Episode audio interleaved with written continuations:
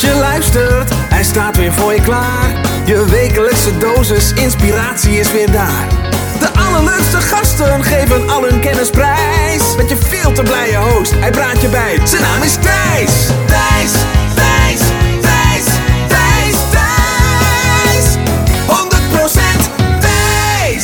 Yes, dames en heren, je ziet het goed. Guido van der Garde, ex-Formule 1-coureur. De tweede. We hadden al eh, Robert Doornbos een keer, een tijd geleden. Ik denk alweer zo'n twee jaar geleden. En nu Guido van der Garde. En je weet wellicht dat ik een onwijs Formule 1-fan ben. Dus ja, het is mijn podcast, waarom ook niet? Dan eh, vind ik het leuk om eh, ex-Formule 1-coureurs te interviewen... of mensen die iets met de autosport te maken hebben. En natuurlijk ook omdat er een hele dikke vette link is... naar het thema van deze podcast, naar geluk en succes. Want ja, er zijn maar 20 Formule 1-coureurs ter wereld. En als je een van die 20 bent of bent geweest... dat is gewoon super uniek. En wat heb je daarvoor gedaan? Wat heb je daarvoor gelaten? Nou goed, dat zijn vragen die ik aan Guido stel... en die hij beantwoordt. Dus hij deelt met jou zijn succesformule... om eh, zijn droom te hebben verwezenlijkt. Dus haal daar inspiratie uit voor jouw persoonlijke droom of doel wat je hebt. Eh, uiteraard voor de insiders gaan we ook in op... ja, hoe zeg ik dat subtiel? eh, wat het met hem heeft gedaan toen hij in eh, 2015 flink in zijn reet is geneukt... door een, eh, een zakelijk eh eh, akkefietje met het huidige team waar hij toen Formule 1 voor zou racen. En we maken allemaal tegenslagen mee in het leven. Dit was een hele grote in zijn leven. Dus laat je inspireren door hoe hij hiermee om is gegaan. En we hebben het ook over zijn, ja, je zou wel kunnen zeggen, zijn nieuwe carrière als ondernemer, als vastgoedinvesteerder. Ehm, en zo zie je ook hoe je een passie kunt hebben voor Formule 1. eh, eh, maar dat wil niet zeggen dat je op andere disciplines... dat je daar geen geluk uit kunt halen. Dus hoe Guido dat doet, hoe dat voor hem werkt... dat ontdek je in dit interview. En voor premiumleden gaan we heel erg in op eh, de balans tussen mentaal en fysiek. En deelt Guido, want hij is nog steeds professioneel coureur. Hij heeft een paar weken geleden nog Le Mans weer gereden. 24 uur race, waarbij je 8 uur in die auto zit. Hij deelt voor premiumleden wat zijn trainingsschema is. Dat is wel echt heel vet.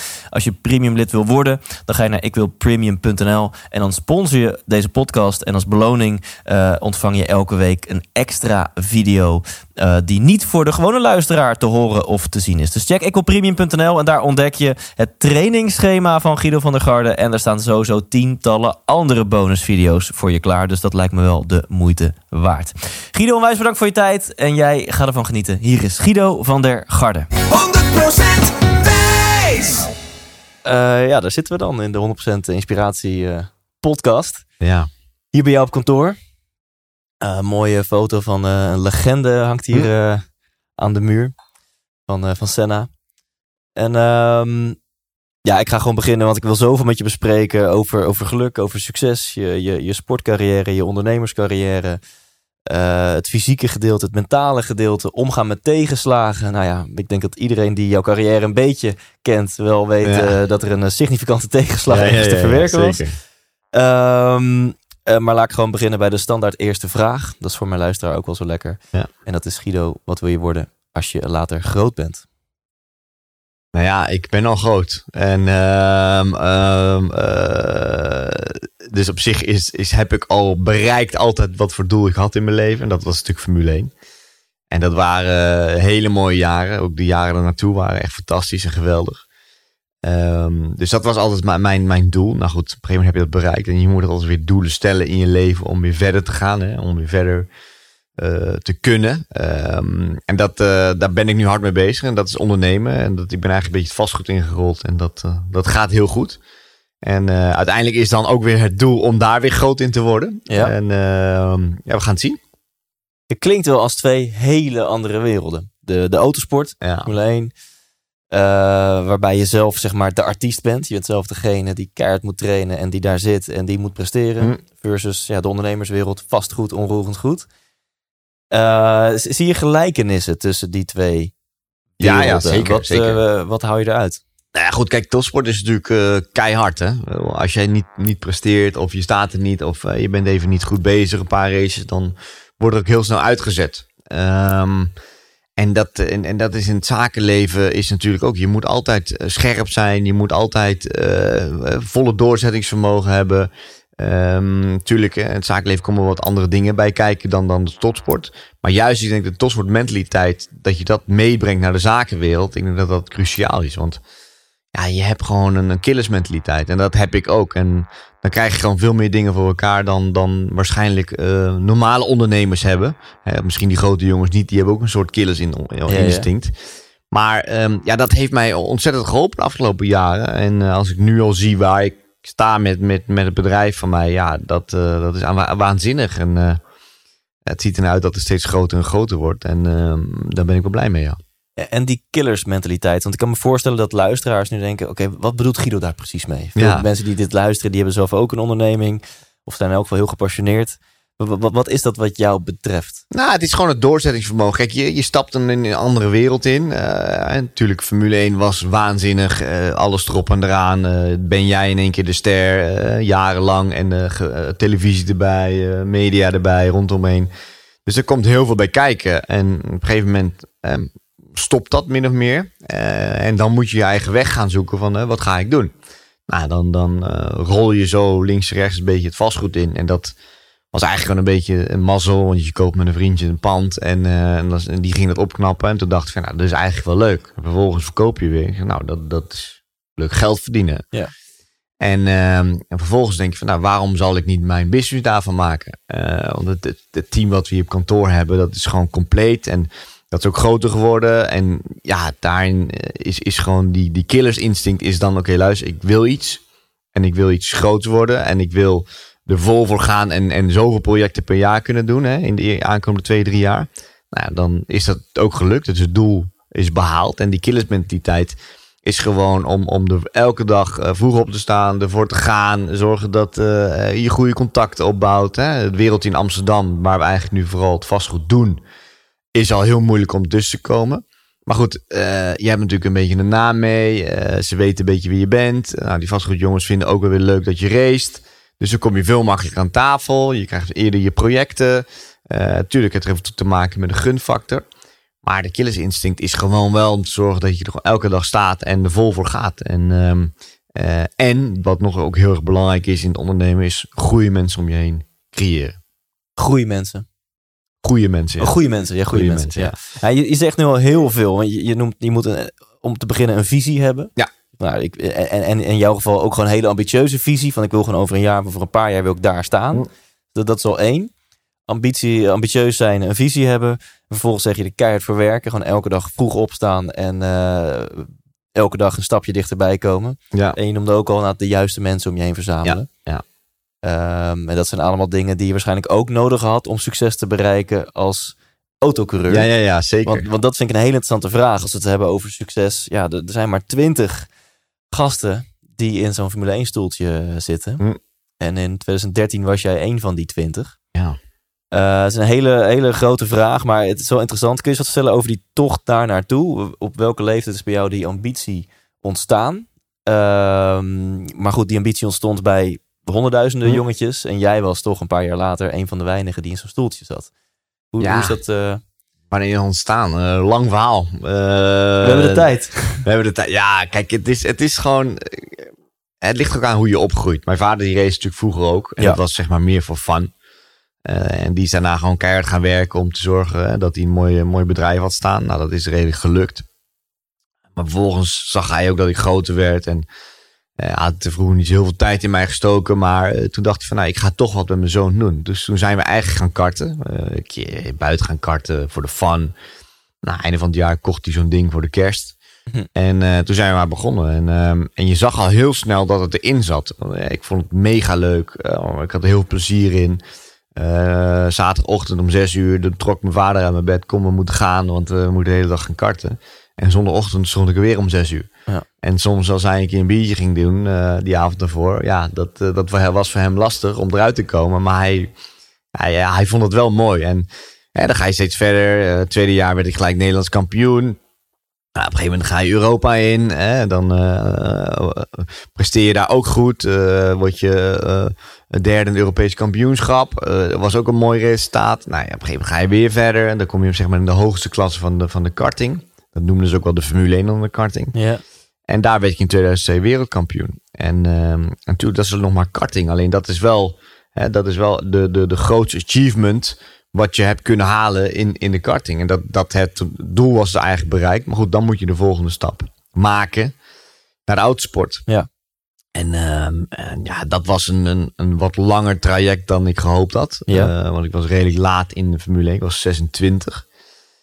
Ehm, maar goed, uiteindelijk is het ook daar weer, het is vallen en opstaan. En eh, soms is het keihard vallen, maar dan moet je ook weer jezelf omhoog trekken om daar weer te presteren. En eh, sommige jaren waren goed, sommige jaren waren minder. Eh, maar goed, uiteindelijk was, was in 2013, eh, mocht je dan toch doen waar je jarenlang voor gedroomd hebt en jarenlang voor gewerkt hebt. En je hebt daar alles voor gegeven. Het Ja. zowel persoonlijke leven, als de mensen om je heen.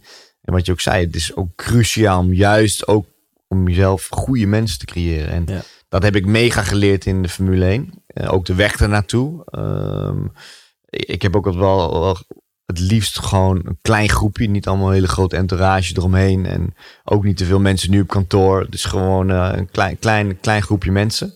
En als ze even niet aan kunnen, dan moeten ze maar harder werken. Zo, zo zit het. Of je gaat zelf harder werken, ook goed. Maar dat, dat was een heel mooi traject. En ik denk juist dat je daardoor, hè, omdat je natuurlijk je, je eenmanszaakje hebt eh, en je wil gewoon eh, een doel bereiken. Ja, vervolgens heb je dat. Eh, alleen ja, toen kwam er 2015 helaas een einde aan. Ja, ja, daar heb ik nog een vraagje over. Ja, snap ik. Ja, die snap Word ik. Ja. natuurlijk helemaal gek van, maar eh, we'll see hoe we het daarover gaan hebben. Ja. Ehm, en, en, en dus even voor de mensen die, die, die misschien niet insider in de Formule 1 zijn. Het was dus begin 2013, ik neem aan maart 2013 Australië, dat jij eh, eh, bij het team van Caterham ja, jouw F1 debuut Ja. maakte. Om vervolgens gewoon het hele seizoen 19 Grand Prix eh, daar te rijden. Ehm, en als je jouw eigen, ja, laten we zeggen, succesformule zou moeten ontleden. Wat maakte dat Guido van der Garde in dat stoeltje zat? En niet heel veel andere jongens die er ook keihard aan werken. Heb je harder gewerkt dan de rest? Of is het gewoon mazzel? Of was je veel beter in de juiste mensen om je heen verzamelen? Had je gewoon meer talent? Eh, Heb je het idee wat, wat jouw succesformule was? Ja, ik denk het wel. Ik denk dat het een, eh, een, een, een eh, paar aspecten waren. Het sowieso het harder werken. Vooral de laatste paar jaar. Echt van 2008 tot en met toen ik Formule 1 in zat. Heb ik echt keihard gewerkt. Mega fit. ehm, goede mensen verzameld ook. Dat was super belangrijk. Goed managementteam. Maar ook een goede personal trainer. eh, waar ik gewoon elke dag eh, mee aan de slag moest gaan. Ja. Eh, want in de Formule 1 eh, is, is het gewoon lastig. Want je hebt een aantal testdagen voor het seizoen. En de rest heb je je races. Dus dat is best wel lastig. Dus je moet je buiten het circuit om eh, fit proberen te krijgen of fit te blijven. En dit is niet zoals voetballers die elke dag met een bal kunnen spelen. Dus dat, dat is. Dat was wel altijd een dingetje. En dan had ik echt een toptrainer uit Spanje gehaald. Eh gozer, daar ben ik de hele wereld overheen gevlogen. Dat was ook mijn fysio bij de Formule 1. En ook daarvoor. Dus dat was ook wel een cruciaal persoon in mijn leven. Ehm, maar daarnaast ook gewoon een, een eh, goede mensen om mij gecreëerd. Hè, die mij het gunde om de Formule 1 te kunnen gaan. En natuurlijk uiteindelijk is het allerbelangrijkste talent. Hè. Ik ben opgegroeid met Lewis Hamilton, een Nico Rosberg, een Sebastian Vettel, eh, Nico Hulkenberg. Nou goed, die reed geen Formule 1 meer nu.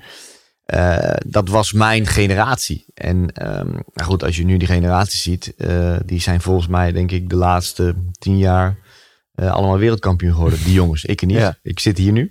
Maar eh, dat, dat is helemaal niet erg. Maar in ieder geval, hè, die, die generatie was heel sterk. En Ja, ik durf wel te zeggen dat in die generatie, eh, in de karting eh, en vooral het begin van de autosport, ik daar zeg maar wel een van de snelste was met die jongens. Alleen hoe verder je gaat, hè, komt er natuurlijk heel veel bij kijken. Het is niet alleen maar fysiek, maar het is ook een mentaal spelletje. Je Ja. moet mentaal heel sterk zijn. Ehm, maar één ding is zeker, wat ik wel geleerd heb vanuit de wereld eh, en wat ik meegemaakt heb, en die vraag ga je waarschijnlijk zo meteen ook stellen uit 2015, dat in mentaal aspect mij niemand meer gek kan maken. Helemaal niemand. Ja, want je zei net, om daar dan even een sprongetje naar te maken... en dan gaan we voor de autisten onder mijn luisteraar... straks weer terug naar de chronologische volgorde van het verhaal. Ja. Maar je, volgende week rij je Le Mans. Ja. Je bent eh, nu aan het trainen. Je hebt vanochtend getraind. Je gaat vanmiddag weer trainen. Ja. Ehm, dus ik vind het leuk om daar even over te hebben. De, de, het verband tussen fysiek en mentaal. Je zegt, nou, mentaal krijgt eigenlijk niemand mij meer gek. Hm. Eh, eh, hoe, hoe zie jij die relatie tussen fysiek en, en mentaal? Ah, kijk, er zijn natuurlijk uh, verschillende dingen. Uh, hoe fit je bent, hoe mentaal je sterker bent. Alleen, uh, soms heb je het niet helemaal in de hand. Je kan nog zo fit zijn en zo sterk zijn. Maar uh, ja, er gaan gewoon sommige dingen... Maak je mee in je leven, wat er ook gebeurt met sport of met de business of persoonlijk. En dat zijn hele lastige, moeilijke dingen soms. Hè? Um, ik heb het zelf meegemaakt in 2015, waar op een gegeven moment Formule 1 uitgezet werd. Uh, en dan krijg je natuurlijk heel, heel zak geld mee. En, uh, en vervolgens moet je me uitzoeken. Ja. Alleen dat was mijn einde carrière binnen de Formule 1. Dus dat was heel lastig, heel moeilijk. En dat was ook mijn hele zware periode. Uh, maar als je nu eigenlijk terugkijkt, dan vind ik wel een mooi bruggetje. En Pierre Gasly, die rijdt nu Formule 1. Die was ooit de teamgenoot vorig jaar van Max Verstappen. Uh, die heeft gewoon een paar weken geleden een, een race gewonnen in Monza. Ja. Weet je, dus. Um, en die is echt door een diep dal gegaan. En ik durf te wedden dat hij waarschijnlijk net zo diep gegaan is dan ik ben gegaan. Alleen hij rijdt gelukkig nog Formule 1. En hij heeft nu een Formule 1 race gewonnen. Ja. En dat is denk ik het, het, uh, het vallen en opstaan. En hoe, hoe hard je ook valt. Uh, het mentale aspect is, moet je zorgen dat je altijd weer je eruit kan trekken uit die put. En ja, sommige jongens kunnen dat wel, sommige jongens kunnen dat totaal niet. En, um, en als je dat voor elkaar krijgt, dan, dan kan je ook weer heel goed presteren. En kijk, ik was eigenlijk een beetje helemaal klaar met racen. Uh, totdat Frits van Eert mij in één keer belde, de grote baas uh, van, uh, de grote CEO van, van Jumbo. Van, nou ja, we zoeken nog iemand. en, en ik vond het ook wel weer leuk om te gaan racen. En vervolgens ben ik met hem twee jaar geleden aan de slag gegaan. En, um, en dat is nog steeds een heel mooi avontuur. we hebben nu Le Mans, dat is zeg maar voor ons de, de grootste race ja. van het seizoen. En uh, daar moet je gewoon keihard voor trainen. Maar daar komt ook weer heel veel mentaal bij kijken. Omdat fysiek is het goed te doen. Ik ben Ja. fit. Alleen, kijk, als je een 24 uur race doet, dat doe je met drie man. Dus je rijdt constant anderhalf tot twee uur. Dan ben je er twee, drie uur uit. En dan kom je weer terug de auto in. En dan ga je de nacht in. Nou, het is heel veel donker. Dus komt ook veel bij kijken. En vooral daar is het mentaal, want je mag geen fouten maken. Maar goed, die dag erop moet je weer als de zon opkomt in de auto zitten. En aan het einde moet je weer in de auto zitten. Dus je doet als een pro-rijder ongeveer 10 uur in de auto. Niet achter elkaar, maar in, in, in Ja. stukken. Ja, dat is mentaal killing. Ik bedoel, eh, ik heb daar twee jaar geleden een race gehad. Dat moest mijn engineer me de laatste 10 ronden helpen om erheen te komen. Omdat je gewoon fysiek, maar mentaal helemaal kapot was. Dus eh guys, you're doing a good job. Well done. Good pace. Volgende rondje, good job. eh, nine laps to go. Push, push, push. Ja, Want, Is- want, want wat gaat er mentaal door je hoofd? dat je moe bent. Je bent moe, je bent, eh, eh, het is zwaar, eh, het is warm. je, je hebt al acht uur, negen uur achter elkaar gezeten. En, en toen was het de, mijn laatste stint. En zat ik al 2,5 uur in de auto. Ja, dan ga je er helemaal aan, man. En dan moest, moest nog een half uur. Wauw. Dus het team ja, you're going well. Keep on pushing, keep on pushing. Ja, keep on pushing. Shut up. Ik wil lekker slapen, weet je wel. Dus dat, ja, dat, dat, maar goed, uiteindelijk is, zijn dat wel de mooie dingen van het racen. En het mooie dingen ook weer, kan je dat terug re- relativeren naar het zaken doen. Het is gewoon door, door een pijngrens heen gaan. Ja. En, ehm, en, en, en daar word je mentaal hard van. Ja, eh, misschien ook weerstand bieden richting de stemmetjes in je kop.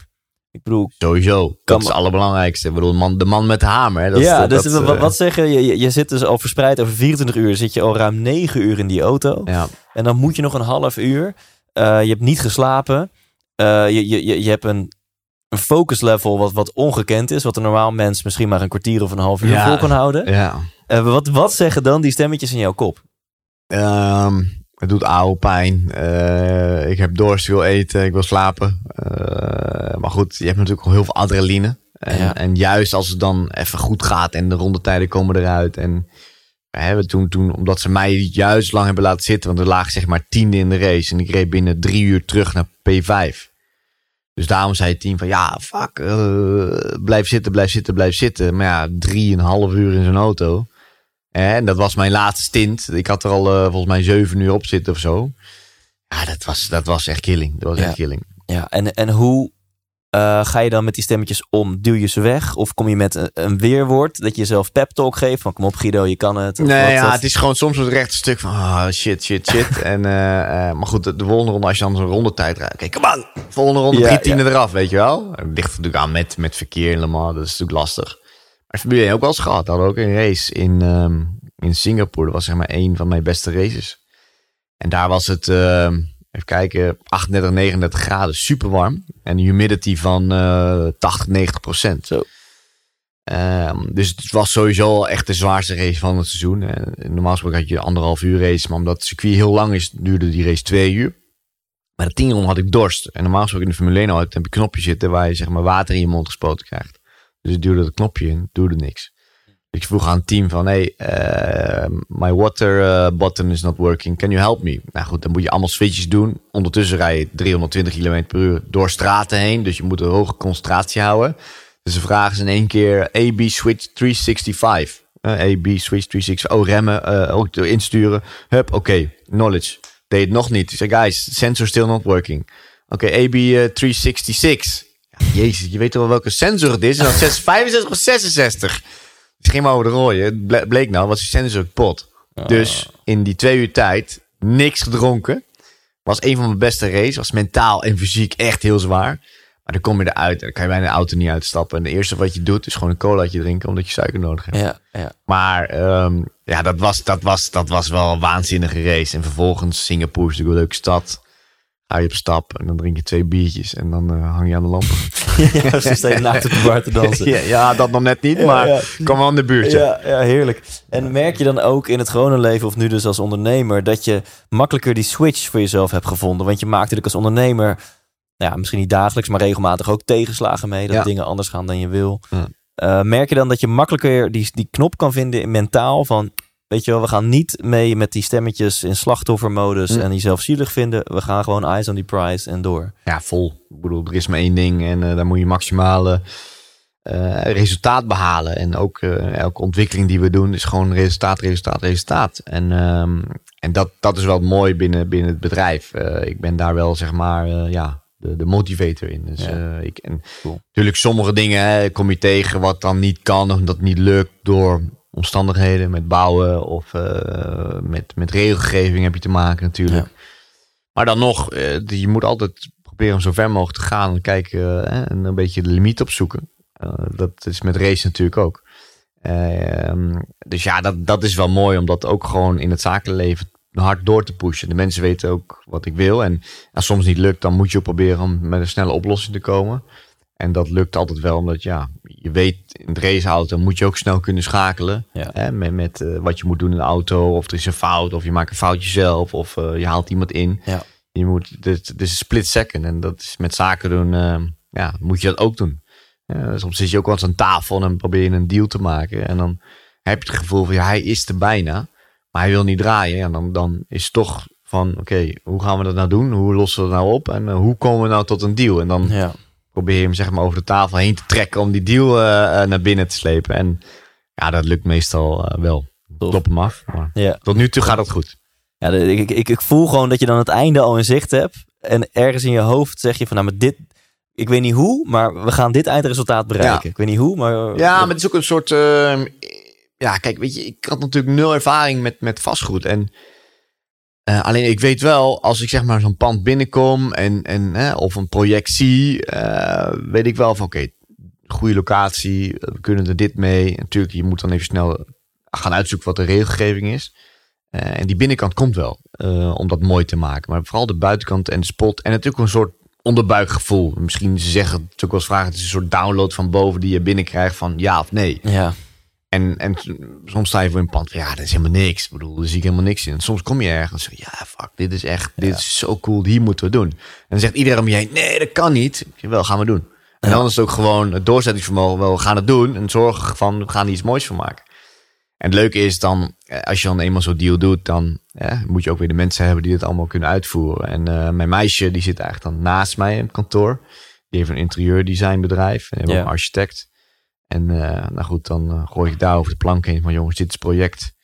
Ga er wat moois van maken en teken het uit. En ga de aanvragen doen binnen de gemeente. En eh, zodra dat allemaal uitgetekend is, dan is weer de volgende stap. Dan moet je je weer mee gaan bemoeien. Ja. Maar ja, die wisselwerking is heel erg leuk. En ehm, eh, dus eigenlijk hebben we gewoon een heel mooi goed team staan. Ja, en net gaf je al aan, hè, wat is de overeenkomst tussen racecoureur, autocoureur zijn en ondernemer zijn? En je gaf aan, nou, dat killer instinct. Ehm, kan jij nu net zo veel voldoening halen uit jouw werk als ondernemer? Kan je nu net zoveel geluk ervaren als ondernemer als dat jij toen kon als Formule 1 coureur? Ja, zeker. Alleen het is een, eh, een ander leven. Het is niet zo. ehm, eh, gek leven meer. Vroeger was je natuurlijk elke week de deur uit, leefde niet op een toilettas. eh, zat je in Australië, vloog naar Japan, Amerika, Brazilië, noem het dan maar op. Nu is het allemaal wat rustiger. Ehm, maar ik, ik haal er zeker wel voldoening uit. Ik vind het juist mooi om die deals te doen en, en zo'n project helemaal af te bouwen en erop te zitten.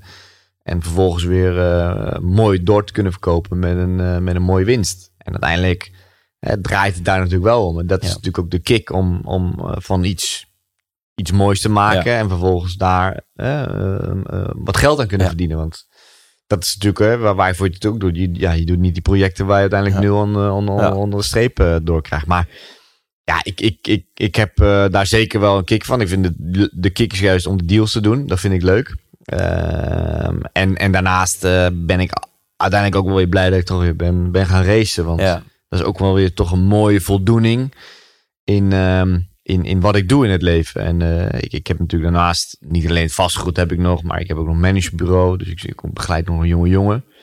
Die gaat nu de autosport in. Eh, Thomas ten Brink is dat. En die is vorig jaar wereldkampioen geworden in karting. Dus een groot talent. Dus die gaan we nu ook klaarstomen om de weg naar de Formule Ja. 1 te, te behalen.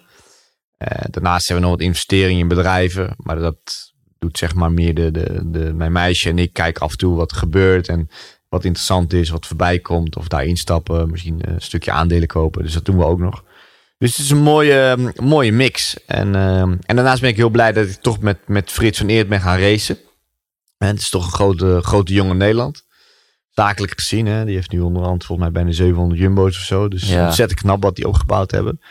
Um, maar ik, ik heb ook veel aan hem. Uh, hij heeft veel aan mij, maar ik ook veel Ja. aan hem. Want zakelijk gezien is het natuurlijk groter. En ja, dan wil je altijd informatie weten. Van hoe doe jij dat? Ze hebben natuurlijk met zijn familie veel vastgoed, maar ze hebben ook veel andere dingen in bedrijven zitten. Dan wil je altijd informatie horen van hoe doe je dat? Hoe pak je dat op? Hoe heb je dat gedaan? Hoe zit het in elkaar? Maar een race is weer andersom. Want dan gaat hij aan mij vragen: Hey Guido, hoe laat rem je daar? Of Mm. hoe stuur je daarin? Ja. Dus dat levelt heel mooi uit. En Ja, dat is een cool. mooie balans. En ja, ik denk dat we met z'n tweeën goed naar, naar ons zin hebben wat we, wat we nu doen. En wat, ehm, wat mis je nu het meeste? Misschien niks kan ook, maar ik kan me toch voorstellen, want de droom was niet om ondernemer te worden. De droom was om Formule 1 coureur te Mm. Dus wa- wa- wat mis je nu het meeste van eh, ja, jouw carrière als Formule 1 coureur?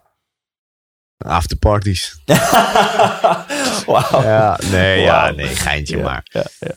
Nee, eigenlijk niks. Nee, ik, ben, ik heb het een plek gegeven. Ehm, maar het was een moeilijke tijd, omdat je dan toch in één keer afscheid moet nemen van eh, wat je, waar je hele leven voor geknokt hebt. Ehm, dat was echt heel lastig. Daar heb je echt een jaar mee gezeten.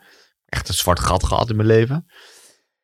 Maar goed, uiteindelijk eh, moet je ook weer herpakken. Eh, maar ik zal nu als iemand zal bellen, een eh, Ferrari of Mercedes of Red Bull, om te zeggen van wil je terug de Formule 1 komen? No way. Nee? Ik ben 35, hè? Je moet niet vergeten. Je hebt het gedaan. Hè? Het was een mooie tijd. Je hebt het drie jaar kunnen doen. Hè? Want, daarvan heb je Mhm. één jaar kunnen racen en, twee jaar testcoureur geweest. Ja. En ja, het is goed zo. Je bent een van de 16 coureurs ooit geweest in Nederland die het hebben kunnen doen. Ehm, Ja. en het is nu tijd voor iets anders. Eh, ik heb een familie, ik heb een kleintje erbij. Eh, die, wordt, eh, die wordt nu twee. Ehm, eh, het ondernemen is, is waanzinnig leuk. En daar haal ik echt voldoening uit. Het racen samen met Frits en Eert, wat we doen, is een wereldkampioenschap. We staan nu derde in wereldkampioenschap. Dus dat gaat ontzettend goed. Daar haal ik mega voldoening uit. ja. En die combinatie is goed, want stel als je weer de Formule 1 moet gaan, ja, dat ondernemen daarnaast gaat niet. Want dan Nee. ben je gewoon veel te druk. Want je bent alleen maar onderweg. Je bent alleen maar aan het trainen. Je bent alleen maar bezig met eh, sponsoren, met het team. Dat gaat niet meer. Ja. Ja, dit zou, ik kan me voorstellen dat dit een, een rust geeft. Dat je, Zeker. als je nu nog de onrust had van, ik wil eigenlijk in die auto zitten. Ja, maar dat heb ik ook Ja. gehad. Vooral Ja. toen 2015, toen je eruit gezet werd. Ja. eh, door vijf rechtszaken en alles erop en eraan. En vervolgens had jij gewoon een rechtgeldig contract om te racen. Maar ja, goed, dan wordt de werkrelatie zo verstoord dat het geen zin meer heeft. Nee. Dus dan moet je gewoon, eh, dan werd er een deal gemaakt. Ja, vervolgens moet je, moet je weer, weer, weer, weer verder. En, eh, Ja. en, en, natuurlijk heb ik een jaar, anderhalf jaar gehad van ja, ik wil terug, ik wil terug, ik wil terug. Want het is de hoogste klasse en het is het gaafste ding wat er meemaakt. En je bent daar een superster, en noem het allemaal maar op. Maar ja, uiteindelijk is dat ook niet het normale Ja. leven.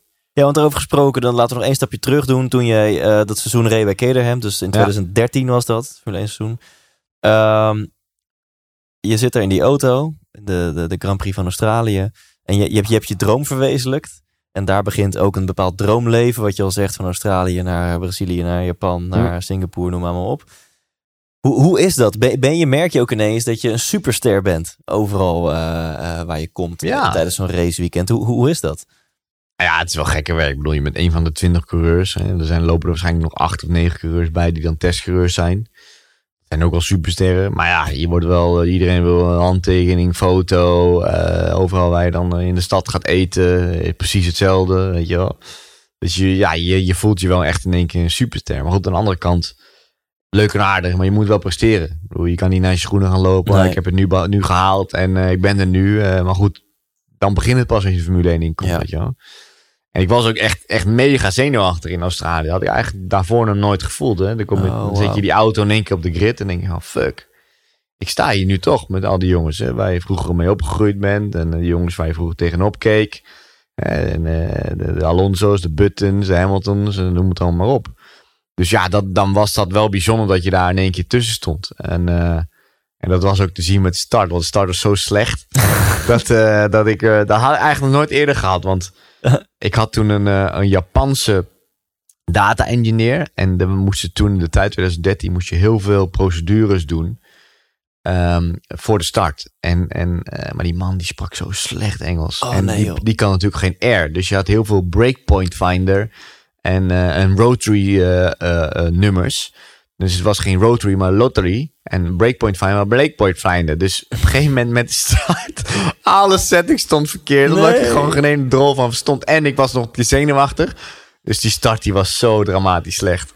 Maar goed, uiteindelijk was de prima race teruggeknokt naar volgens mij weer 18e, 17e geworden of zo. Ja, was prima, maar ehm, ja, dat was wel lachen.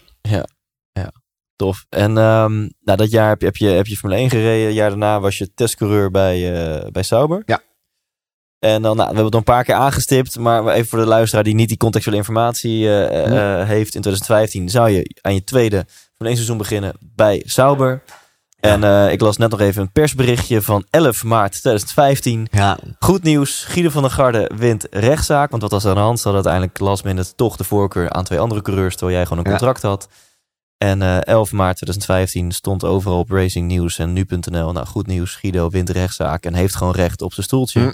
En toen zei je nog tegen de pers, nou, ik ben eh, super fit, nog nooit zo fit geweest. Ja. En ik verwacht dat ik over een paar dagen gewoon lekker in die auto zit. Hm. Nou ja, volgende persbericht is eh, van, eh, geloof ik, 16 maart, vijf dagen later. Eh, Guido schikt voor, eh, voor, voor 16 miljoen dollar, 15 miljoen dollar, maar eh, mag niet racen. ja. Ehm, hoe, eh, gewoon even de grote open vraag, hoe ga je om met zo'n tegenslag? Heb je even? Ja. Eh, nee, ja, dit, dit is. eh, als je er dus nu over praat, natuurlijk, het- blijft altijd een pijnpunt in je leven. Hè? Want je wil. Het was toen gewoon een, een- eerlijk contract. Die had je de jaar daarvoor in 2014, juni of juli, hadden we hem al getekend. Dus je wist dat je ging racen. Volgens stelden ze einde van het jaar stelden ze in één keer twee andere racecoureurs aan. Die eh, echt belachelijke bedragen betaalden om te kunnen racen Ja. bij Sauber. Ehm, de auto werd steeds beter. Dus we wisten dat we voor 2015 gewoon een goede auto hadden. Ja, dat is dan gewoon lastig, weet je. Als ze dan één keer twee andere rijders aankondigen... en jij hebt gewoon een rechtgeldig contract om daar te gaan racen... ja, fuck, dan, dan, dan wil je er gewoon voor vechten. Dus we hebben toen ook in die tijd van hè, november tot en met eh, maart... eh, vijf rechtszaken gehad. Alles gewonnen.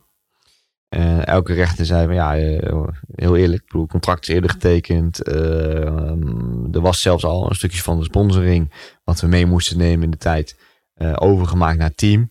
En vervolgens zetten, zetten die mafkezen twee andere rijders in. Ja, dat, dat kon niet. Dus ja, dat was een moeilijke tijd. Vervolgens ga je dan naar Australië toe. Dan denk je toch van, ik ga daar racen en ik ga toch met het team er wat van maken. Maar dat gebeurde niet. Dus ik vloog op zaterdag al terug. Eh, zaterdagochtend was de deal beklonken. En ehm, dus toen wist je al van oké, ik ga niet meer racen. Het is eh, einde seizoen. En natuurlijk krijg je een zak gel- geld mee naar huis. Maar goed, op dat moment heb je er geen zak aan. Want het is leuk en aardig eh, dat je dan een paar miljoen mee krijgt. Maar ja, uiteindelijk, je wil racen. En je wil laten zien hoe goed je bent. En dan zit je in het vliegtuig en dan landde je op Dubai. En zag je de uitslag, werden ze vijfde en achtste. Oh, dan, dan, dat was echt gewoon, dat was echt Oh. gewoon de, de, de, de boosdoener van het hele verhaal. Ja. En dat was gewoon in het begin van het seizoen hè, ook nog wel leuk. Max Verstappen debuteerde toen. Dus we zou je met Max hebben kunnen racen. Oh, Eh, ik ken Max en Jos natuurlijk heel goed. En, eh, dus dat was, dat was echt gewoon de, de, de, de, de mokerslag, zeg maar. En toen kwam je thuis. Ja, en dan volgens... eh, wat moet je gaan doen? Ik wist het niet. Ik wist het echt niet. Ik bedoel, eh, trainen had geen zin meer. Want de race hoefde toch niet meer. Ik vond de eerste twee weken een beetje feest gevierd. En nou, dat was wel leuk. En, eh, en toen Ja, echt gewoon gevierd, misschien meer eh, de, de, de, de verdoving opgezocht. Ja, ja maar dat, dat eerste twee weken was leuk. Dat we een week in New York geweest met mijn meisje. Maar goed, toen, toen dacht ik echt van... Oké, fuck, wat moet ik nu gaan doen? Ik wist niks. Toen ben ik echt gewoon vijf dagen in de week alleen maar de lamp gaan hangen.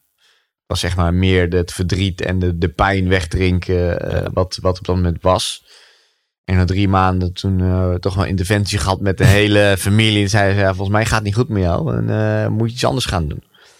En toen heeft mijn, ehm, mijn schoonvader gezegd... van, eh, nou ja, het enige wat ik kan bedenken... is dat jij mij, met mij als rechterhand mee gaat lopen. Mijn schoonvader Marcel Boekhoorn, dus een grote ondernemer van Nederland. Ja. Ehm, ah, ik had helemaal geen zin in. Maar goed, ik dacht van ja, oké, misschien moeten we toch maar eens iets gaan doen om, hè, om, om daar eh, iets in te vinden. En toen ben ik met hem mee gaan lopen. En toen heb ik echt ondervonden hoe leuk ondernemen was. Zoveel geleerd. En toen dacht ik van, eh, oké, wat hij doet, ga ik ook doen. Alleen niet wat hij doet met heel veel bedrijven. Maar eh, toen ben ik vast goed ingerold. En in totaal, zei je iets eerder tussen neus en lippen door al, de- heeft het toch wel een jaar geduurd, dat zwarte gat. Zeg maar. Nou ja, een jaar, anderhalf jaar. Ja. Ik ben een jaar op weer gaan racen. Ehm, omdat ik het toch wel miste. Prima deal gemaakt. eh, Europees kampioen geworden, lange afstanden. Dus eigenlijk gewoon hè, een, een, een, een goed jaar gehad. Ik ben kampioen geworden. Het, het kon je toch weer zelf op de kaart zetten. En dat was ook wel een soort voldoening voor mij. Ja, om dat ja. toch wel weer te laten zien. Oké, weet je, ik ben toch wel goed. En ik hoor toch wel erbij om in de top van de autosport te zitten. Dus het was echt een mooi, mooi jaar. Alleen toch aan het einde van het seizoen word je kampioen, sta je op het podium. En, en toen dacht ik, ja, wat doe ik hier? wat, wat, ja, leuk en aardig kampioen geworden, maar wat ben ik hier aan het doen? Ik bedoel, eh, ik denk dat ik toch iets anders moet gaan zoeken. En toen heb ik voor mezelf gezegd, of ik moet nu een topcontract krijgen bij een, eh, een, een, een, een, Ford of Toyota of eh, een van de fabrieksteams. Waar ik toen mee bezig was, Aston Martin was er mee bezig. Ja, dat ging niet en lukte niet. En toen dacht ik, ik stop ermee. Ik ben er klaar mee, ik ga ondernemen. Toen ben ik echt dit vol gaan doen, wat we nu doen. Dus dat vastgoed en eh, bedrijfje en management eh, op gaan zetten. Totdat eh in 2018 eh, toch weer ben gaan racen samen met Frits van Eert. Ja.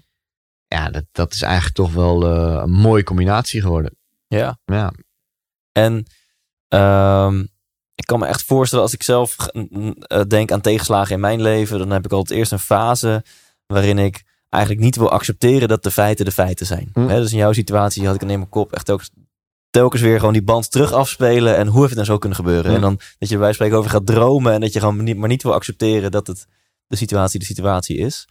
Is dat ook een fase waar jij in, in hebt gezeten? En, zeker. nou, en waar was dat keerpunt dat je ergens ja, die knop om kon zetten van oké, dit is het Mm. Guido en weer door. Nou, is- ik denk dat het ook eh, met coaching te maken heeft. Ik ben toch wel naar, naar twee coaches gegaan. Ehm, ik heb jarenlang met mijn topsport eh, eh, carrière heb ik altijd bij Ted Troost gelopen. gelopen sorry. En ehm, dat was ont- ontzettend fijn. Dat is een haptonoom. Die heeft onder andere Gullit, Van Basten, eh, dat zijn grote jongens in Nederland geholpen. Mij ook heel veel geholpen in mijn carrière. Alleen dit was zeg maar, hè, als je dan uitgezet wordt en je hebt heel veel moeite met jezelf om toch weer te vinden wat je moet gaan doen. Want uiteindelijk wist je maar één ding, is dat je heel hard auto kon rijden en daar heel goed in bent. Dus je weet niet wat voor andere talenten je nog hebt. En dat moet je dan onder, gaan ondervinden. En goed, het heeft een stukje geholpen dat mijn schoonvader zei, hè, lopen met mij mee. Maar toen kwam ik er al heel snel achter van, oké shit, je hebt iets gedaan wat heel unieks is. Als je dat op tafel gooit, dat mensen er heel veel interesse in hebben. Eh, commercieel goed. Ehm, toch best wel een redelijk gunfactor. Ja, Eh, en dan kom je daar steeds meer achter van, oké, er zit meer in dan dat je alleen maar een helm op hebt en heel goed naar links en rechts kan sturen. Dus, maar goed, dat is ook een, een, een, een soort ervaring, een nieuwe ervaring in, in je leven. En dat, dat is toen in die paar maanden, of een jaar eigenlijk, drie kwart jaar dat ik met mijn schoonvader mee heb gelopen, heb ik dat best wel ondervonden. Maar ook heel veel coaching gehad om te zorgen van, hè, wie ben jij nou, waar sta je in het leven, wat wil je in het leven, wat wil je doen. Ja, dat heeft wel eh, een paar maanden geduurd. Eh, daar, daar zat ik wel, elke twee, drie weken zat ik daar. Om, Ja. om, om gewoon met zo'n vrouw door zo'n periode heen te gaan. Want ja, weet je, toen dat gebeurde, dat is leuk en aardig. Maar ik was getrouwd en eh, vervolgens als je dan vijf dagen, zes dagen gaat stappen en je komt om zes uur thuis. En zij ging om zeven uur de deur uit. Dat is ook niet echt goed voor je, voor je relatie. Nee, ik denk als je een goede vrouw hebt, dan geeft ze na een tijdje wel een grensje aan van eh, Guido. Ja, en dat heeft ze ook zeker gedaan. En, en dat was ook goed, want er, er, er moest op een gegeven moment wel aan de bel getrokken worden. Maar zij heeft ook gezien van ja, laat hem maar gaan. Want eh, hij heeft gewoon even zijn zijn ding nodig, een soort uitlaatklep. Ja, dat was mijn uitlaatklep. Ja. Ja. Was wel leuk, maar ik zal het niet nog een keer doen. snap ik, snap ik. En ehm, kun je de luisteraar iets, iets eh, meegeven van wat je hebt geleerd dan in die periode? Met name ook door, door, door coaching, door therapie, Hm. haptonomie. Uiteindelijk is het jou dus gelukt om met die hulp, met die begeleiding, zeg maar, eh, mentaal sterker te worden. Dus is er iets concreets wat je daar hebt geleerd, wat, wat, waarmee de luisteraar kan inspireren? Openstaan voor andere dingen. Ehm, eh, goed naar jezelf kijken. Ik bedoel, eh, iedereen heeft een, een talent. Iedereen heeft iets. Iedereen heeft meerdere talenten. Daar geloof ik ook echt in. Belangrijk is dat je iets gaat doen waar je gelukkig van wordt. En wat je, wat je leuk vindt. En iedereen doet het natuurlijk heel erg vanuit familie. Ja, luister, je moet dat gaan doen. Je moet zaken gaan doen. Maar als je daar niks mee hebt en ja, dan moet je dat niet doen. Ik bedoel, je, je moet iets echt doen. Ik bedoel, je, uiteindelijk leef je maar één keer. En Ja. je moet alles uithalen wat erin zit. Maar wel iets doen waar je happy van wordt en waar je gelukkig van wordt. En dat was voor mij een hele wijze les. Eh, maar goed, mentaal ga je natuurlijk door zo'n dieptepunt. Daarom zei ik ook op het begin van de podcast van... eh, eh, eh, mij zullen ze nooit meer gek maken. En Ja. mij kunnen ze ook echt nooit meer gek maken. Ik bedoel, dat, je, hebt, je hebt zoveel dingen meegemaakt. Dus dat, was, dat, ja, dat is ook een mooie wijze les geweest. Maar ook ja, een bepaalde coaching in het leven is juist heel goed. Want hè, iedereen denkt van, ah, oké, dit is mijn visie. Ik ga daarheen, ik wil dat doen en leuk en aardig. Maar soms ook wel goed dat zo'n coach jou op een andere gedachte kan zetten... om daar op een andere manier over na te denken. Ja. En, ehm, eh, en dat is sowieso eh, in het privéleven, maar ook in het zakenleven... maar ook in de topsportwereld. Ja, je moet altijd voor dingen openstaan. En, ehm, en, en ook als je eh, ergens gaat zitten en je hebt een, eh, soort visie met je bedrijf... en iemand komt ja, ik zou dat en dat doen. Ja, heel veel mensen zeggen, ja, nee, dat ga ik niet doen, want daar heb ik niks mee. Maar als je juist er wel voor open staat, want je haalt altijd uit zo'n gesprek haal je wel twee, drie dingen wat interessant is. Ja. En dat heb ik heel erg geleerd en, eh, en dat, daar ben ik nu nog steeds mee bezig. En eh, elke dag is weer een, eh, een nieuwe dag met nieuwe ronde, nieuwe kansen. En je leert elke dag weer bij. Ja. En, eh, en daar moet je ook echt voor openstaan. Ja, je zou natuurlijk kunnen zeggen dat eh, mentaal sterk zijn, omgaan met tegenslagen, is ook een soort van spier, metaforische spier die je traint. Zeker. En ehm, eh, heb, je, heb je die voor jouw gevoel met name dan getraind door mentale coaching? Of kan je ook elke luisteraar aanraden om fysiek te trainen en daardoor mentaal sterker te worden? Nee, het is een, een, een, beide. Kijk, eh, hoe, hoe fit je bent, hoe harder je, dat, dat, dat helpt mentaal ook. Eh, mensen die thuis eh, een zakje chips gaan eten en een tonnetje rond zijn, ja, dat, dat gebeurt. Maar die hebben niet heel veel weerstand eh, mentaal. Ik geloof gewoon als je lekker fit bent en je traint drie, vier dagen in de week en je, je bent ermee bezig, dan kan je mentaal veel meer hebben. En je bent ook scherp in het leven. Dat is echt zo. Ja. En daar, daar, daar, ja, daar, daar geloof ik heilig in. Dus ik ben blij dat ik elke dag nog kan trainen. En oké, nu misschien met Le Mans iets meer geweest de afgelopen tijd dan, dan daarvoor. Maar ehm, ja, het houdt me scherp en het houdt me fit. En, eh, en dat is wel belangrijk. Heb je als, als eh, autocoureur echt een bepaalde hyperfocus die je, die je dus hebt getraind? Die spier heb je zo goed getraind dat je dat ook in een zakelijke onderhandeling of in een zakelijk gesprek, dat je merkt of je nou eh, bij Le Mans met 320 op de rem trapt of dat je in een zakelijke onderhandeling zit, dat je voelt dat je in die hyperfocus gaat. Ja, je gaat, ja zeker. Want je, natuurlijk, hè, een, een- een- de, concentratie en de hyperfocus is in, in een race heel erg belangrijk. Ja. Eh, je zit natuurlijk lang in zo'n auto en je mag geen fouten maken. eh. maar goed, dat is op een gegeven moment ook hè, een, een, een stukje ervaring wat je meeneemt. Hoe ouder je wordt, hoe makkelijk dat natuurlijk gaat. Ehm, dus dat, dat gaat nu heel goed. Maar dat is hetzelfde in zaken doen. Dat, dat is ook gewoon een soort aanvoelt van oké, ik zit nu in een, in een soort focus en, en concentratie. En eh, ik ga nu aanvoelen dat hij toch gaat buigen of niet. Hè, met zo'n deal of wat er dan ook gebeurt of in zo'n gesprek. En dat voel je heel snel aan. En daar moet je heel snel op in kunnen springen. Of je moet heel creatief kunnen zijn in zo'n deal. En dat gaat eigenlijk wel heel erg goed. En mijn zakenpartner zegt altijd, hoe kom- ben je nou weer op gekomen om, om zo die deal te doen? Ik zeg, ja, maar ja, ik had die gozer net niet, maar hij wou wel. Dus dan maak je een andere deal ervan. En dan had hij interesse. Ja, dan moet je zijn dus hand er drie keer afslaan, zeg maar. Weet je wel. Dus ja, dat, dat vind ik, dat, dat, Ja. dat, dat is waarschijnlijk dan de, de instinct wat je met race dan hebt. Dat, krijg, dat, dat zet je dan ook weer over naar, naar het zaken doen. Ja.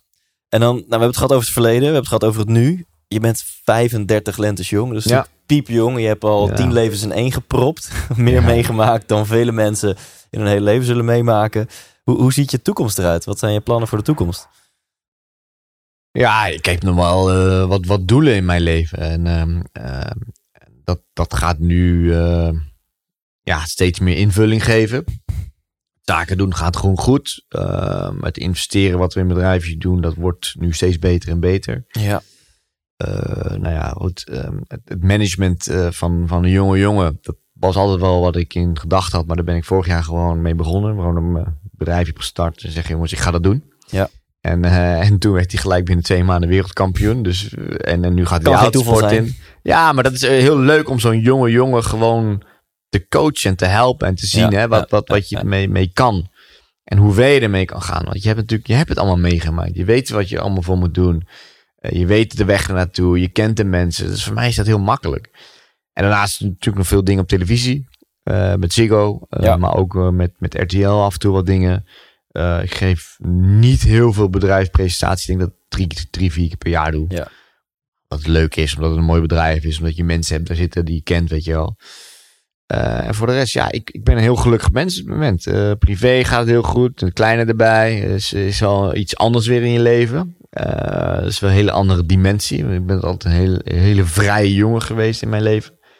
En mijn meisje liet me ook altijd heel vrij. Maar nu eh, heb je in één keer te maken met iemand thuis zit die eh, ja, voor je, waarvoor je moet zijn en waarvoor je moet zorgen. En Ja. dat is toch wel heel iets anders, maar wel ontzettend leuk. Ehm, dus ja, ik, ik, kan, ik kan niet zeggen dat ik heel erg, ik kan op dit moment zeggen dat ik heel erg gelukkig ben. En, eh, en dat het doel is om, eh, om gewoon eh, dit vast te houden. En, eh, en de doelen die we gezet hebben voor het bedrijfsleven, voor het vastgoed, voor het management, om dat binnen nu vijf, tien jaar te behalen. En dan gaan we het zien. Ja, je komt ook wel heel ge- geaard en in balans over. Mm. Ja, maar dat is Ja. ook een, een, een stukje in het leven wat je. eh, iedereen moet gewoon een keer op zijn plaat gaan. En ehm, hoe je dan weer daaruit komt, ik denk dat je dat als mens alleen maar beter maakt. Eh, sterker maakt. ehm, en ik heb natuurlijk in mijn leven, wat je al zei, heel veel dingen meegemaakt. Heel veel gekke dingen meegemaakt. eh, overal geweest in de wereld. Ja, kijk, en het was een, een, een, super mooie ervaring en dat was heel leuk. Maar nogmaals, dat was niet het normale leven. En dat is nu ook zeker niet het leven wat ik nu heb. En eh, ik ben nu gewoon heel rustig. Ik, ik zit lekker op mijn plek. Ik heb het onwijs naar mijn zin. En, en daarnaast, ja, weet je, als dingen goed gaan en goed lopen, ja, waarom zou je dan niet gelukkig zijn? Ja, dat vind ik een mooie. Ja, ja. Wat dankbaarder zijn. En nou, we zijn nu beland bij het, eh, het zelfhulpgedeelte van dit interview. Eh, ik ga me gewoon meteen erin gooien. Welke rol heeft spiritualiteit in jouw leven? Niet zo heel veel. Maar mijn familie, eh, de zus van mijn vrouw, die is heel spiritueel. Ze heeft me toch wel wat dingen laten zien wat interessant eh, is. En eh, interessant kan zijn. Ik had er vroeger echt helemaal niks mee. Ik geloof er ook helemaal niet in. Eh, maar ik heb ook wel eens een coach gehad die ook zei van, er is iets spiritueels, er gebeurt iets. Dus ik geloof er wel ergens iets in, maar ik heb er niet heel veel mee. En, wat zijn die dingetjes dan? Die, die, die, die de zus van jouw vrouw, zeg maar, jou toch... eh, Nou, kijk, heeft- wij zeggen natuurlijk heel veel in het bedrijfsleven, maar ook de, de dingen die je doet in je leven, waar je mee bezig bent, dat je een soort onderbuikgevoel creëert hè, met, met bepaalde dingen. Eh, maar die vrouw waar ik zeg maar een bepaalde coaching mee heb gehad, omdat het heel interessant leek, en dat was ook interessant, die zei van, eigenlijk is het niet een onderbuikgevoel, maar het is een soort download wat je van Ja. boven krijgt. En dat is wel bijzonder toen ze dat zei. Zei, ja, fuck. Misschien heeft ze wel ergens gelijk. En toen ben je dat, ga je er toch op letten. Dus dan loop je ergens en dan sta je ergens en dan ben je ergens mee bezig. En dan, dan hè, toevallig was het dan een pand. En die ingeving, dan krijg je, ja, fuck, dit is het. Maar dan krijg je een, ik noemde dat dan als onderbuikgevoel, Ja. maar eigenlijk is dan nog een download die je van boven krijgt.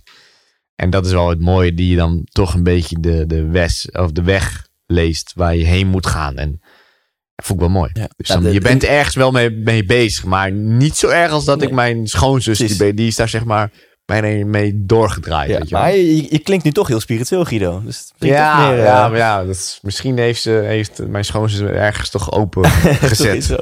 Ja. En ehm, heb jij eh, een ochtendroutine? Nee, totaal niet. Wat, Nee. wat doe je als je wakker wordt? Ehm, meestal eh, eh, een paar dagen in de week die kleine uit bed halen. Ja. Dus misschien is het wel een routine, Ja. omdat hij uit bed moet. En ehm, ja, nee, ik, ik mijn ochtenden altijd redelijk vrij. De ene keer ga ik ochtend, ochtends trainen. De andere keer heb ik een afspraak om half negen, negen uur kantoor. Eh, de andere keer moet ik naar een project toe. Of eh, ik ben onderweg naar een, eh, een, een bedrijf waar we naar gaan kijken. Dus ik heb eigenlijk, nee, vastigheid in mijn leven heb ik eigenlijk nooit gehad. Ja. En, en dat, dat wil ik ook niet, want ik vind het leuk om allemaal verschillende dingen te doen. ja, en voordat ik naar het onderspot gedeelte toe wil gaan, en je hebt geen idee wat het is, maar dat wordt heel erg leuk. Mm. Ehm, ik kan me ook voorstellen dat de luisteraar denkt, die heeft dan ergens in het interview tussen neus en lippen door een, een paar miljoen gehoord. Mm. Dat ze denken, ja Guido, wat, wat is nu jouw drijfveer? Want je zou ook kunnen zeggen, ik, eh, ik hoef niet te werken en ik ga lekker eh, genieten van het leven. Dus wat, wat is jouw, en ondertussen doe je hartstikke veel dingen. Dat met Ziggo, management, zelf nog racen, je bedrijf hier. Hm. Eh, dus wat, wat is jouw drijfveer om nog zo hard te werken? Ja, kijk, ik vind het leuk om te werken, want je bent ergens mee bezig. En ik denk dat ook iedereen een soort doel moet hebben, waar, waar die bezig mee kan zijn. Ik bedoel, je kan wel thuis gaan zitten en op je luie gat, maar daar word je niet, eh, niet beter van, daar word je niet scherper van. Eh, dus je, je, je moet iets gaan doen. En je moet ook iets zoeken. En dat was in, hè, de afgelopen jaren heb ik dat goed kunnen vinden voor mezelf, wat je leuk vindt. En wat ik nu doe is superleuk. En, en uiteindelijk, ehm, ja, natuurlijk, hè, eh, we hebben een paar miljoen meegekregen. Maar eh, in het jaartje, eh, wat ik ook heel veel feest gevierd heb, heb je ook dingen gekocht. Een huis, een auto. Het gaat ook weer hard uit. Ja. Snap je? Dus, en, eh en tuurlijk, hè, er is echt nog wel eh, eh, wat. Maar en, en, en, en genoeg om een prima leven van te hebben. Maar ja, ik heb er geen zin in. Ik bedoel, het leven draait niet om geld. Het draait om leuke dingen doen. En, en uiteindelijk succes hebben. En, en, en, en, dat je gemotiveerd bent en een doel hebben. En ehm, ja, dat, dat heb ik nu. En, en dat gaat hartstikke goed. Dus Ja. En stel je wordt morgen wakker. Je bent nog steeds Guido van der Garde, maar je hebt 0 euro op de rekening. En niemand kent jou ook meer. Wat, eh, wat zou je dan gaan doen? je moet er wel ergens gaan beginnen weer. Ja, om, dat, eh, om dat is geld. Waar eh, zou je gaan beginnen? Geld gaan verdienen. En ja, als niemand je kent, ja, dan moet je een, een, een, een baan gaan zoeken. Ehm, eh, of een soort eh, entertainer worden in het park. Om daar je eerste euro's Ja, ja, ja, mooi. van, van te, te, te verdienen. En vervolgens dat je, dat je daar weer mee kan eten. Ja, lastig, lastig. Kijk, uiteindelijk, ehm, eh, als het dan weer opnieuw begint en je moet jezelf weer ondervinden. Eh, maar goed, aan de andere kant, met de ervaring die je nu hebt in het leven, denk ik dat je wel redelijk snel boven komt drijven. En eh, weet je wel waar je heen moet gaan en kan doen en eh, wat je krachten zijn. Dus ik denk dat je binnen 1, 2 jaar wel weer boven bent en dat je wel weer redelijk succesvol kan zijn, denk ik. Wauw, mooi. Ja. Oké, ik ga je onder spot zetten. Dat zijn tegenstellingen. Ja. hebben we ook met je goede vriend eh, Doornbos gedaan. Ja, heel goed. En dit gaat dus heel snel, want het zijn gewoon twee, ehm, twee items en je moet Hm. één van die twee kiezen. Ben je klaar voor? Ja. Dit is ook vanuit je intuïtie of vanuit de download Ja, van boven. ja. Mag je antwoorden. Eh, ochtend of nacht? Nacht. Bestuurder of passagier? Bestuurder. Ferrari of Tesla? Ferrari. Eh, nooit meer zelf racen of nooit meer Formule 1? Nooit meer Formule 1. Poetin of Trump? Trump. Groene smoothie of Engels ontbijt? Engels ontbijt. Maandagochtend yoga of vrijdagmiddag borrel? Vrijdagmiddagborrel. Naakt of pyjama? Naakt. Gevoel of verstand? Voel. Praten of luisteren? Luisteren. Jong en onbezonnen of oud en wijs? Jong en onbezonnen. Hutje op de hei of herenhuis aan de gracht? Herenhuis op de gracht. Justin Timberlake of Justin Bieber? Justin Timberlake. Klassieke muziek of death metal? Oeh. Klassieke muziek. Nooit meer seks of nooit meer muziek? Nooit meer muziek. Nooit meer seks of nooit meer racen? God, kleren. Ehm, nooit meer racen. Risico's nemen of op veilig spelen? Risico nemen. Geld maakt gelukkig of geld maakt ongelukkig? Geld maakt gelukkig. Nederland uit en er nooit meer in? Of Nederland in en er nooit meer uit? Nog een keer? Nederland uit, maar je mag er nooit meer in? Of je Ja. blijft in Nederland, maar je mag er nooit meer uit? Blijf in Nederland. Eén dag koning of één dag kind? Eén dag kind. Wat zou je dan doen? Eh, heel gek gedragen, zoals kinderen doen. Eh, onbezonnen zijn. Uh, scheid hebben aan alles wat je mee bezig bent. Mooi man. Tof. Uh, zometeen voor de premium leden wil ik het nog even met je hebben over leven in balans. Ik ben heel benieuwd hoe jij dat doet met een drukke, drukke ambities en ook een gezinsleven. Um, en ondertussen gewoon topfit eruit zien en ook gewoon nog op topniveau racen. Ja.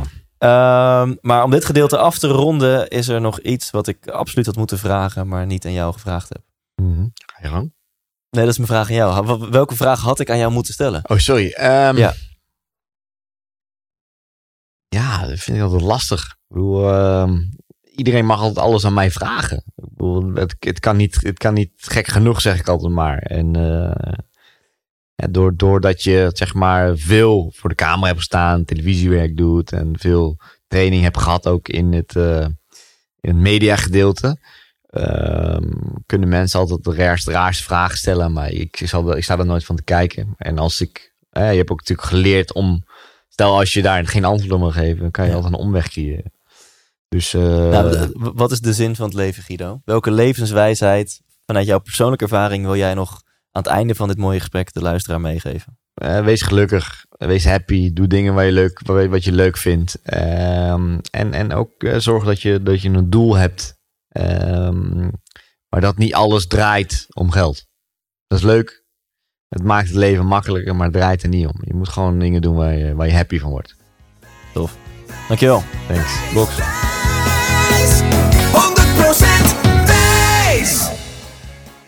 Yes, bedankt voor het kijken of luisteren naar deze episode. Als je dat nog niet hebt gedaan, ga naar ikwilpremium.nl. Word premiumlid. Uh, je steunt mij, daar ben ik enorm dankbaar voor. En ik doe er wat voor terug door jou elke week te belonen met een extra video. En uh, deze week is het een video van Guido van der Garde... waarin hij deelt wat zijn trainingsschema is als topcoureur. Dus hij, uh, hij deelt letterlijk zijn trainingsschema... wat je kunt doen om fit te zijn, topfit te zijn... net als een, een autosportcoureur. Uh, en sowieso staan er op het premium platform tientallen van dit soort extra video's voor jou klaar. Van, van alle episodes van de afgelopen tijd. Uh, en wat ook heel leuk is als premium lid, is dat je bij een community hoort. Want premium leden die willen niet alleen maar naar deze podcast luisteren, maar die willen ook in actie komen. Dus elke woensdag deel ik een video met premium leden waarin ik deel wat heeft nu het meeste impact gemaakt op mij van de podcastaflevering van deze week. Hoe ben ik tot actie aangezet. En op die manier openen wij op het platform ook de discussie. Wat doet deze episode met jou? En heb jij dingen die je in de praktijk gaat brengen? Dus wil jij van inspiratie naar actie? Wil je niet alleen luisteren en inspiratie consumeren, maar wil je ook produceren? Wil je in actie komen? Dan is het premium platform echt iets voor jou. Check dat gewoon op ikwilpremium.nl. Word anders gewoon een maand lid en kijk of het wat voor jou is.